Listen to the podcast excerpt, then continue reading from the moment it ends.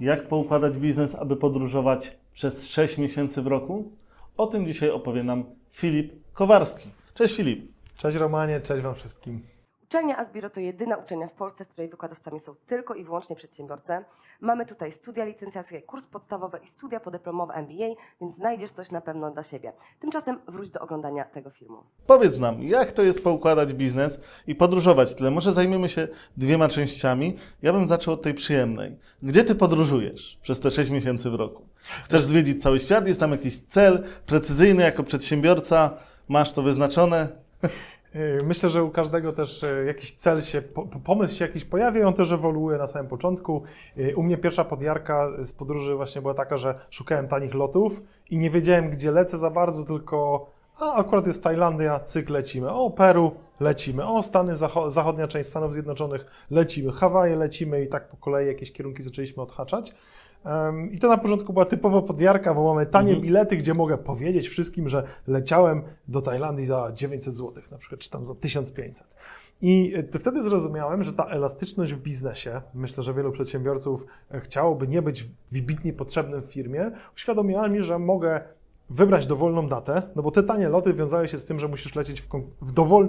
inaczej, w konkretnym terminie, ale nie konkretnym dla ciebie, tylko dla tym, kiedy jest akurat promocja. Czyli na przykład mówię, o, już za tydzień lecimy do Tajlandii. Teraz, jeżeli miałbym firmę, która jest niepoukładana albo jest zależna od tego, że jestem na miejscu, to nie mógłbym sobie na to pozwolić. Więc cały, cały, cały czas sobie powtarzałem, ok, warto mieć dobrze poukładaną firmę, ewentualnie móc część zadań wziąć ze sobą do Tajlandii czy do Peru, żeby ta firma dalej się rozwijała i żeby ona dalej funkcjonowała przez to, że była potrzeba, żeby tak tę firmę układać, to krok po kroku um, tak to zacząłem budować.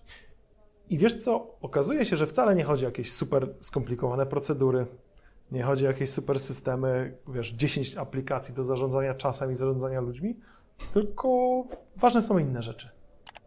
No to teraz no, no może opowiesz, jakie to są inne rzeczy. Um, dwie rzeczy, które zauważyłem, że u mnie przynajmniej najlepiej zadziałały, mam nadzieję, że tutaj też u widzów coś może e, zadziała z tego. Przede wszystkim zespół, któremu ufam. Mhm. Na prelekcji mówiłem o tym, że Simon Sinek bardzo fajnie to rozrysowuje, polecam nagranie, które mówi o tym, że Navy SEALs nie szukają ludzi, którzy mają najwyższą wydajność, tylko najwyższe zaufanie w stosunku do tych ludzi. To jest najważniejsza, fundamentalna cecha osoby, która bierze odpowiedzialność i można jej ufać, a wydajność jest elementem ważnym, ale drugo, drugoodrzędnym. Nie? Mhm. No bo jeżeli mam super wydajny zespół, ale nie mogę mu zaufać, no to nie mogę go zostawić. To nie jest taka firma, którą ja bym chciał budować. Moją wartością jest to, że robimy dobre produkty, ludzie są zadowoleni, nas rekomendują, więc mój zespół musi też być godny zaufania i odpowiedzialny. Więc jeżeli słyszę takie zdanie jak trzeba by coś zrobić, bądź to nie jest moja wina, bądź to nie jest moja odpowiedzialność, no to znaczy, że to nie jest osoba, która pasuje do mojego zespołu. To był pierwszy fundament. Drugi fundament był taki, żebyśmy odpowiedzieli sobie na pytanie, jaka jest najważniejsza rzecz, którą dzisiaj zrobię jako właściciel, szef, wizjoner czy CEO. Um, I po prostu to robię. Nie? To jest mhm. ta Zjedz tę żabę, książka, ewentualnie jedna rzecz, też o tym mówi ta książka, czyli zróbmy konkretną jedną rzecz. To mi uświadomiło, że jeżdżąc na wakacje, ja nie odrywam się od pracy. To nie jest tak, że ja nie pracuję nic, przez to mogę jechać na 3-4 tygodnie, na przykład teraz byłem na miesiąc w Japonii, przez to, że wystarczy, że każdego dnia na godzinkę zrobię jakieś swoje zadanie, ja jestem zadowolony, nie oderywam się od pracy, jestem na bieżąco. Nie mam czegoś takiego, że wracam po urlopie i nagle trzeba, wiesz, gasić pożary, czy jestem strażakiem w swojej firmie, tylko wracam i wszystko działa tak, jak miało działać. Okej, okay. powiedz mi, czy ty wcześniej żyłeś w tym, powiedzmy, wyścigu szczurów, czy też miałeś te problemy, byłeś tym strażakiem wcześniej, czy, czy po prostu, nie wiem, rodzice cię tak wychowali, żeby umiałeś już delegować na starcie. Jak to się rozwinęło u ciebie? Coś, to delegowanie lata mi zajęło, żeby zrozumieć, o co w ogóle w tym wszystkim chodzi, mhm. bo na początku robiłem wszystko sam, ja byłem ja i wspólnik, programiści, byliśmy wszystkim. Od marketingowca przez sprzedawcę, przez programistę, administrację, dokumenty i inne pierdoły. I wtedy tak się służył bardzo fajnie, że mój tata nam pomagał wiesz, w ogarnięciu spraw formalnych, w papierach, w umowach, więc mieliśmy takiego za, bardzo zaufaną osobę z dużym doświadczeniem, więc jeżeli jesteście młodymi przedsiębiorcami, to bardzo często w waszych rodzicach możecie znaleźć pomoc już osoby bardzo doświadczonej, która wie, której umowy nie warto podpisywać, bo ma doświadczenie życiowe. Nie? E, więc ta, jakby dzięki tacie też byliśmy w stanie pewne rzeczy nie, nie zajmować się nimi. I ja wtedy nawet nie zrozumiałem, że tak istotna rola jest rola tej administracji tej opieki asystenta, w tym wypadku mojego taty. No i w pewnym momencie gdzieś tam on już, wiesz, dużo wnuków się u nas pojawiło w rodzinie dla niego, więc już nie miał czasu się tym zajmować. Nagle te papiery dostaliśmy na siebie i okazało się, że nagle nie mamy czasu pracować, więc trzeba było zacząć szukać rozwiązań. Ja kiedyś myślałem, że pierwsze najlepsze zatrudnienie to jest albo sprzedawca, albo marketingowiec, albo e, programista w moim wypadku, a okazało się, że najlepszym zatrudnieniem jest dobry asystent, asystentka, którym możemy zaufać, bo większość rzeczy, którą robią przedsiębiorcy, to jest administracja, ewentualnie e, odpisywanie na maile, kontakty telefoniczne z klientami, dowożenie produktu. Nie ma czasu zająć się, wiesz, rozwijaniem firmy. Więc Mhm. dla mnie ta pierwsza rekrutacja, czyli dobry asystent, komu mogę zaufać, gdzie wiem, że jak zlecę zadanie, to ono zostanie zrobione, to jest naprawdę 90% udanej pracy. W dalszym oczywiście delegowaniu. Rozumiem. Y, Wiesz, jesteś też multiprzedsiębiorcą, inwestorem. Może nie chciałbym poruszać tych tematów inwestycyjnych, bo o tym jakby opowiadasz w wielu aspektach. Jesteś też, ciężko mi przedstawiać Cię, jak Ty się przedstawiasz setki razy na YouTubie. Jesteś bardzo dobrze znaną postacią, ale już po- po- poruszyłbym ten temat multiprzedsiębiorstwa. Czy mógłbyś nam podzielić się z nami, ile tych firm masz? E, musiałbym policzyć, to nie takie proste. E, ale dobra, teraz pytanie, jak to, jak to rozgraniczymy? W dużym skrócie, mój core w tym momencie to mieszkanie na wynajem, które mam Mhm. i mógłbym już je zlecić firmie zarządzającej, ale powiedzmy, że póki co w rodzinie mam to obsłużone, więc to jest firma wynajmująca. Mhm. E, Firmę, która przygotowuje mieszkania dla inwestorów i ewentualnie dla rodzin, które chcą kupić gotowe mieszkanie, głównie inwestorzy, czyli to powiedzmy jest drugi core. Trzeci to są część ta multi, multi, so- social mediowa, czyli ja, szkolenia, książki, czyli to jest trzecia rzecz. I do niedawna jeszcze miałem firmę IT, ale w tym momencie już sprzedałem udziały, więc powiedzmy, że na ten moment nie jestem zaangażowany w firmę IT. Więc te nieruchomości stały się u mnie takim, no powiedzmy, że jakby to sumować, to to jest 100% moich obecnych działań. Mhm. Do momentu, kiedy sprzedałem udziały, no to powiedzmy, że połowa to była IT, połowa to były nieruchomości. E, Nie wykluczam, że wrócę do IT, ale zupełnie jakby od nowa, z nowymi pomysłami, z nowymi kreacjami. No i teraz szlifuję jakby przy tym przejściu, że już myślę o jakichś nowych rzeczach. Chcę teraz tak poukładać moją firmę IT, żeby już absolutnie wszystko, łącznie z większością moich działań e, około szkoleniowych, tych social mediowych, też została zagospodarowana, e, bo okazało się, że w mojej, w mojej grupie tych w mojej grupie absolwentów po szkoleniach. Są tak genialne osoby, tak poukładane, robią tyle fajnych transakcji, genialnie analizują pewne rzeczy, że ze stratą byłoby, gdybym ja na YouTubie i na social mediach czy na TikToku nie zaczął też prezentować osób, które są już w mojej grupie, bo okazuje się, że każdy z nas ma zupełnie inne podejście, ale też sobie radzą świetnie na tym rynku. Chciałbym to pokazać, żeby ta wiedza była jeszcze bardziej dostępna. Mhm.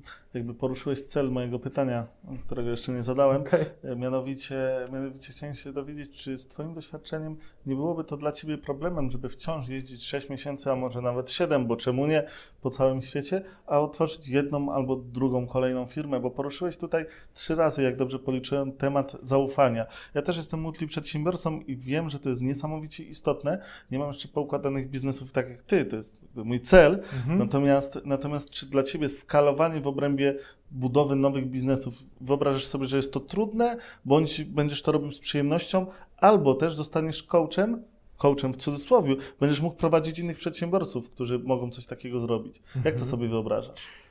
Zadałem sobie ważne pytanie, myślę, że przedsiębiorcy też mogą sobie je zadać. E, Jaka jest moja mo- rola w firmie, czyli czym ja się tak naprawdę zajmuję, już pomijając te wszystkie papiery i pierdoły. E, A drugie pytanie, co ja tak naprawdę uwielbiam robić. I teraz my powin, powinniśmy, nie musimy, ale jak chcemy pracować wydajniej, to znaleźć to, jakie na przykład jedno słowo cię de- definiuje. Rozmawiałem ze wspólnikiem, on powiedział skuteczny. Mhm. Ja mówię, no fajne słowo. Ja bym powiedział o sobie, trudno mi to ująć jedno słowo, ale ja uwielbiam tworzyć najlepsze produkty w danej klasie czy kategorii.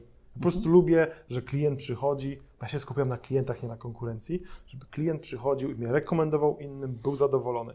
I prawda jest taka, że my przedsiębiorcy, mówi się o tym, że my nie mamy CV, no, nie pokazujemy CV nikomu, to czy my budujemy jakieś CV? No tak naprawdę budujemy CV przedsiębiorcy, bo jak zbieramy umiejętności, wiedzę, kontakty e, i w wielu branżach działaliśmy, to sam wiesz, że łatwiej jest pewne branże później połączyć, bo na przykład masz, gdzie powstaje innowacja? Na styku dwóch branż. Jeżeli działamy, jesteśmy multiprzedsiębiorcami, to często gdzieś znajdujemy tą innowację, chociaż ja w prezentacji mówiłem, że często nie powinniśmy, nie powinniśmy, możemy, jak chcemy, to możemy, ale ja nie chcę iść w nowe rzeczy, bo ja wiem, że u mnie przez ostatnie 18 lat ja cały czas goniłem za nowym. A teraz dopiero dojrzałem do tego, że jeżeli chcę naprawdę rozwijać firmę, to powinienem skupić się na tym, żeby było więcej i lepiej wewnątrz firmy. To jest najprostsza droga do zarabiania większej ilości pieniędzy, a nie coś nowego, bo zawsze będzie coś nowego, co nas będzie kusić, a jak w firmie popracujemy na tym, żeby było lepiej, czyli klienci bardziej zadowoleni, lepsze produkty, dłużej klient zostaje z nami, więcej nam płaci i do tego jeszcze jesteśmy szerzej rozpoznawalni, to to jest droga, a czasem po prostu klienci nie przychodzą, bo nasz produkt nie jest rewelacyjny, więc warto go poprawić. I to niestety jest trudne, bo trzeba zawalczyć z własnym ego i powiedzieć sobie, no dobra, konkurencja robi to lepiej, tu klient jest niezadowolony, tu nie zebrałem ankiety, to jest do poprawienia i to po prostu poprawić, ale to jest gra bez końca, jak to mówią. No wiadomo, pracy się nie da przerobić. Filip, myślę, że część naszych widzów mogła, mogłaby powiedzieć, "No ten Kowarski tu ma w cholerę siana, to on sobie może pozwolić na takie gadanie. Natomiast jakby z perspektywy też przedsiębiorcy, myślę, że to bardzo dobrze rozumiesz, ale tak co mi się dalej nasuwa, bo na to konkretnie nie chciałbym odpowiadać, bo pewnie mógłbyś to zbić na milion sposobów, ale ja pamiętam, jak mi, mi kolega powiedział, wspólnik notabene, Roman, jak, e, jak pracujesz, to nie masz czasu zarabiać pieniędzy. Ja się wtedy skupiłem też trochę nad swoim zdrowiem, i zacząłem się więcej wysypiać. Okazało się, że jak się więcej wysypiałem, to miałem bardziej kreatywne myślenie i zarabianie pieniędzy przychodziło mi łatwiej.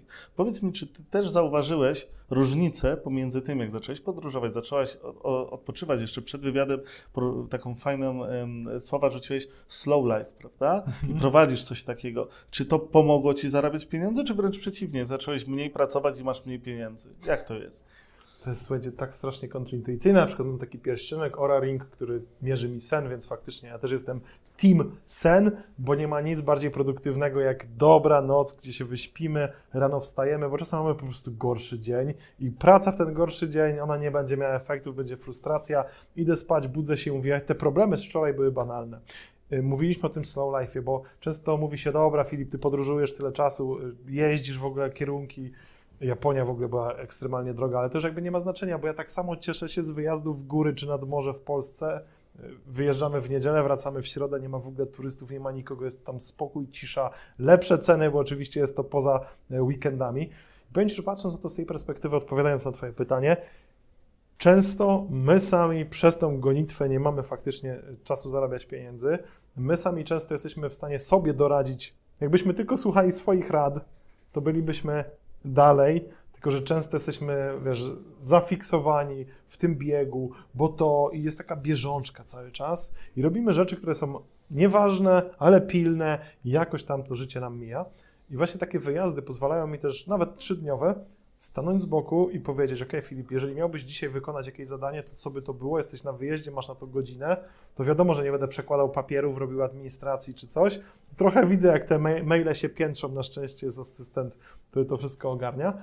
E, one by się piętrzyły, gdyby nie właśnie ta osoba, a ja robię tylko jedno zadanie i trzy kryteria są w tych zadaniach właśnie, jak je wybrać. Czy to sprawi, że miał więcej klientów, bądź klienci zostawią mnie więcej pieniędzy, ewentualnie ograniczy to ryzyko w firmie, czyli na przykład wdrożymy jakąś nową procedurę, albo, no, albo dołożymy pracownika, który się jakąś tam częścią zajmie, gdzie dotychczas musieliśmy e, gasić pożary. Zgadzam się z tą w 100%. Jest to kontrintuicyjne, ale często pracując mniej, ale nad sensowniejszymi rzeczami po prostu zarabiamy więcej kasy. Jasne. Także odpoczywajcie, dobrze śpijcie, mniej pracujcie, zarabiajcie więcej. Z nami był Filip Kowarski. Dziękuję Ci, Filip. Dzięki, dzięki za obejrzenie. Cześć.